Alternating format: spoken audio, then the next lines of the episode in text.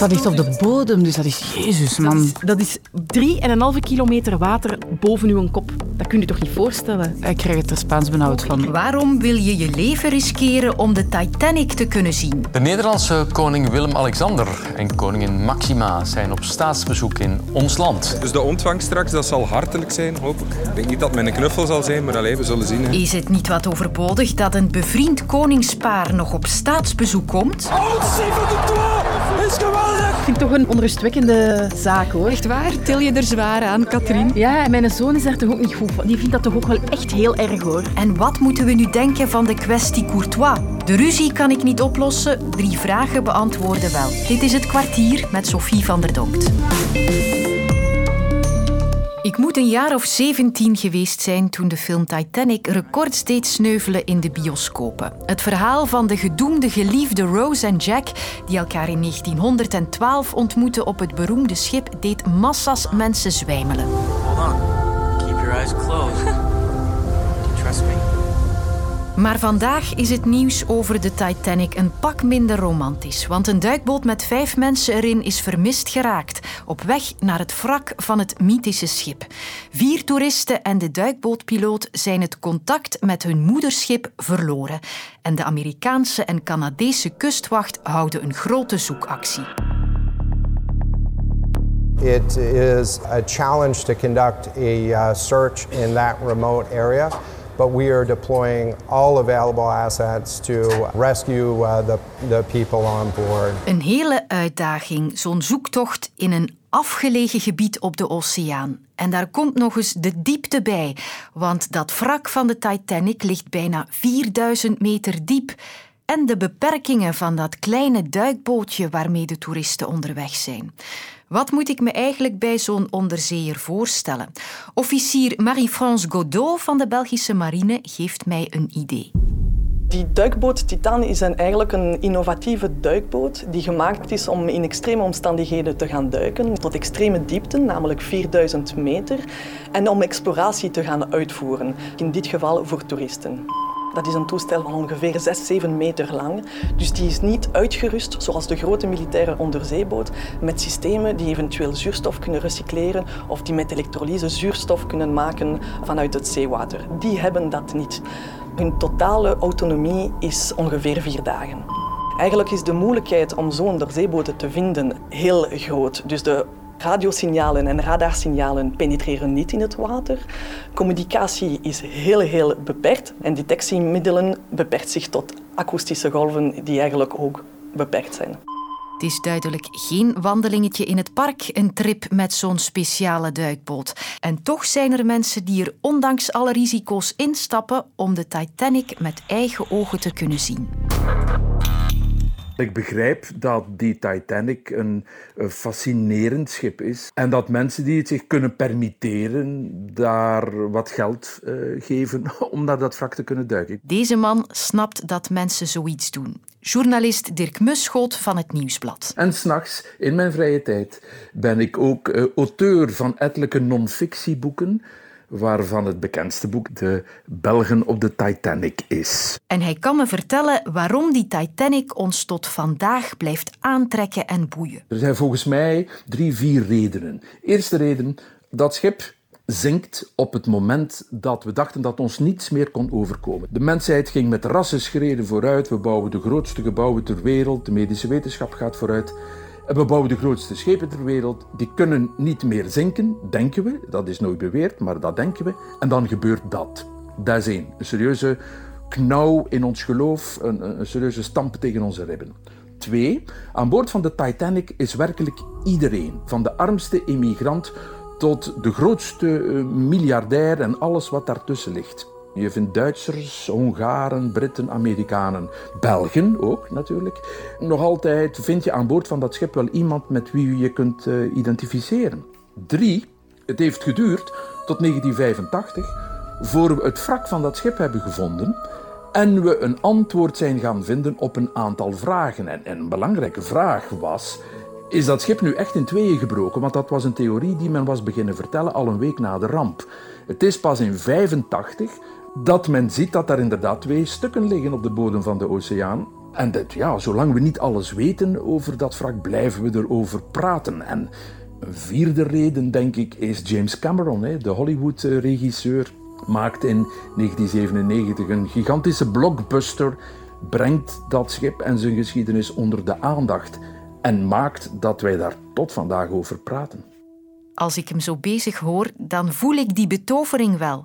Maar zou Dirk het zelf doen, afdalen naar het wrak? Indien ik het geld had, zou ik het zelf ook doen. Die Titanic maakt voor mij al 40 jaar deel uit van mijn leven. Ik slaap niet, voor alle duidelijkheid, tussen Titanic lakens en Céline Dion. Klinkt hier niet alle dagen door de luidsprekers, dat helemaal niet. Maar vanuit mijn historische journalistieke interesse voor dat schip en zijn opvarenden ik zou het eigenlijk wel eens willen zien. Trouwens, als ik het zou doen, zou het sowieso met klamme handjes zijn. Hè? Ik weet ook dat dit een, een spannende onderneming is. Dus laat ons zeggen, als ik morgen de kans zou krijgen, dat ik wat bijkomende vragen zou stellen over de veiligheid. Ja. Nederland en België zijn op veel vlakken goede buren. Onze beide koningsparen zijn bevriend. En Willem-Alexander en Filip zitten dit jaar allebei tien jaar op de troon. De banden zijn dus zeker al gesmeed. En toch is er nu een driedaags staatsbezoek begonnen. Jeroen Rijgaard en technicus Daan de Scheemaker mochten dag één voor ons volgen. En ja, ook zij moeten zich schikken naar het protocol en de plichtplegingen. Hou! Ja, we waren mis. Dat is duidelijk. Achter de troepen blijven. Achter de troepen. Kijk, maar we zitten daar wel veilig aan, dat is het voordeel. Ja, het gaat een beetje poppenkast zijn zeker vandaag. Het wordt, uh, ja, het wordt een lange dag. Ja, ik het ook. Dan ik denk dat je daar best eens gaat kijken. Dat zijn de Nederlanders die nu aankomen. Ja, mij ook mee. Zien? Gaat goed? Ja, absoluut. Ja, oké, okay, goed zo. Ja, en zinnen. Ja, dus we zijn er klaar voor. Waar kijk je het meest naar uit? Volksbad? Ja, toch? Ja, ja, ja. absoluut. Ja. Leuk om te zien de verschillen ook uh, tussen de koningen. Oh! We zijn nog aan het repeteren. Ja, de loper ligt nog niet klaar blijkbaar, dus uh, ze zijn nog de plastic aan het afhalen. Dan gaat op een bepaald moment bij de vorstenpaarden zich omkeren voor ze binnengaan in het paleis om goeiedag te zeggen. Wij blijven aan deze kant van de hekken en kunnen dat beeld nog meeleven. Oh, okay? Vanaf dan is het hier op het Paleizenplein voor jullie gedaan. Een uitgeschreven scenario dus voor zo'n staatsbezoek. Is het nodig om dat nog op zo'n manier te doen? Ja, dat is eigenlijk een verplicht nummer, om het zo maar even te zeggen. Die vraag heb ik gesteld aan communicatieadviseur en oud-correspondent Kees Wijburg. Een staatsbezoek is echt iets met veel ceremonieel, veel officiële plichtplegingen. Het is eigenlijk dat ons land, Nederland, nu wordt vertegenwoordigd aan België, in België, door het koningspaar. Maar dit is, eigenlijk is het een bezoek namens de regering. Uh, maar het is eerst en vooral ceremonieel. Uh, met veel juwelen, met veel prachtige kleding van Nathan, denk ik. Omdat beide koninginnen Wellicht, ja. laten zich uh, uitgebreid kleden door Edouard Vermeulen. Ja. Er is ook een hele handelsmissie mee. Wat levert het op dat die koningsparen daarbij zijn? Ja, uh, kijk, handelsmissies zijn, zijn al van vele jaren. Als daar dan ook nog eens een keer het staatshoofd uh, bij aanwezig is, dan geeft dat een wat officiëlere tent. En het, het is eigenlijk de kers op de taart, zoals we hier zeggen, dat daar dan de koning en koningin bij aanwezig zijn. En dan worden er wat gemakkelijker tussen de handelsdelegaties handtekeningen gezet. En dat staat altijd leuk op de foto. Kijk, het biedt ook continuïteit in, in het land. Dus, dus op die manier dat het. Uh, ja, best wel belangrijk is. En schikken zij zich naar die PR-rol met verplichte nummertjes? Ja, absoluut. Nu is het wel zo dat koning Willem-Alexander en koningin Maxima hebben toch ook wel een eigen agenda. Uh, ze bepalen voor het grootste gedeelte wat ze willen zien, wie ze willen spreken, waar ze aandacht voor vragen. Ook uh, cultuur. Uh, ik moet je zeggen dat het Nederlands koningspaar niet zoveel belangstelling heeft voor cultuur. Uh, ik kwam laatst koning Alexander, Willem-Alexander met zijn moeder Beatrix tegen bij een balletvoorstelling.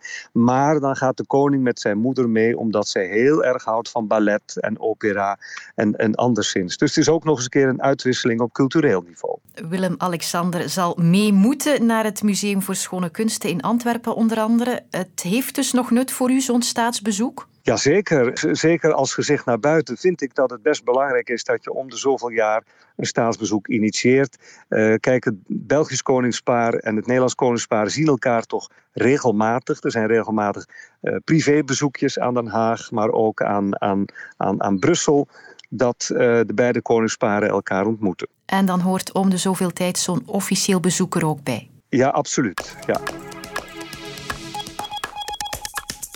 Doelman Thibaut Courtois heeft nog wat olie op het vuur gegooid in de openlijke ruzie met bondscoach Domenico Tedesco. Je weet, die was verrast toen Courtois niet kwam opdagen bij de Rode Duivels, omdat hij tijdens de vorige wedstrijd geen aanvoerder mocht zijn. My comment is that I'm uh, still um, surprised and, and shocked, of course, because we, we didn't expect that something like this can happen. Maar Courtois zegt dat hij geblesseerd is en dat hij daarom moest passen voor de EK-kwalificatiewedstrijd tegen Estland.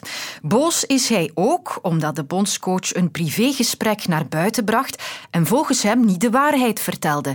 Geen verzoenende taal dus. De kwestie beroert duidelijk, want we kregen veel reacties. En ik leg ze voor aan onze voetbalanalist Peter van den Bemt.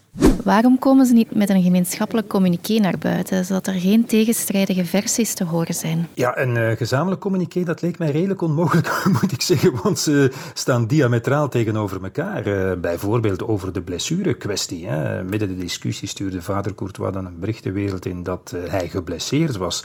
En de bondscoach heeft duidelijk gezegd, kijk, dat is niet het geval.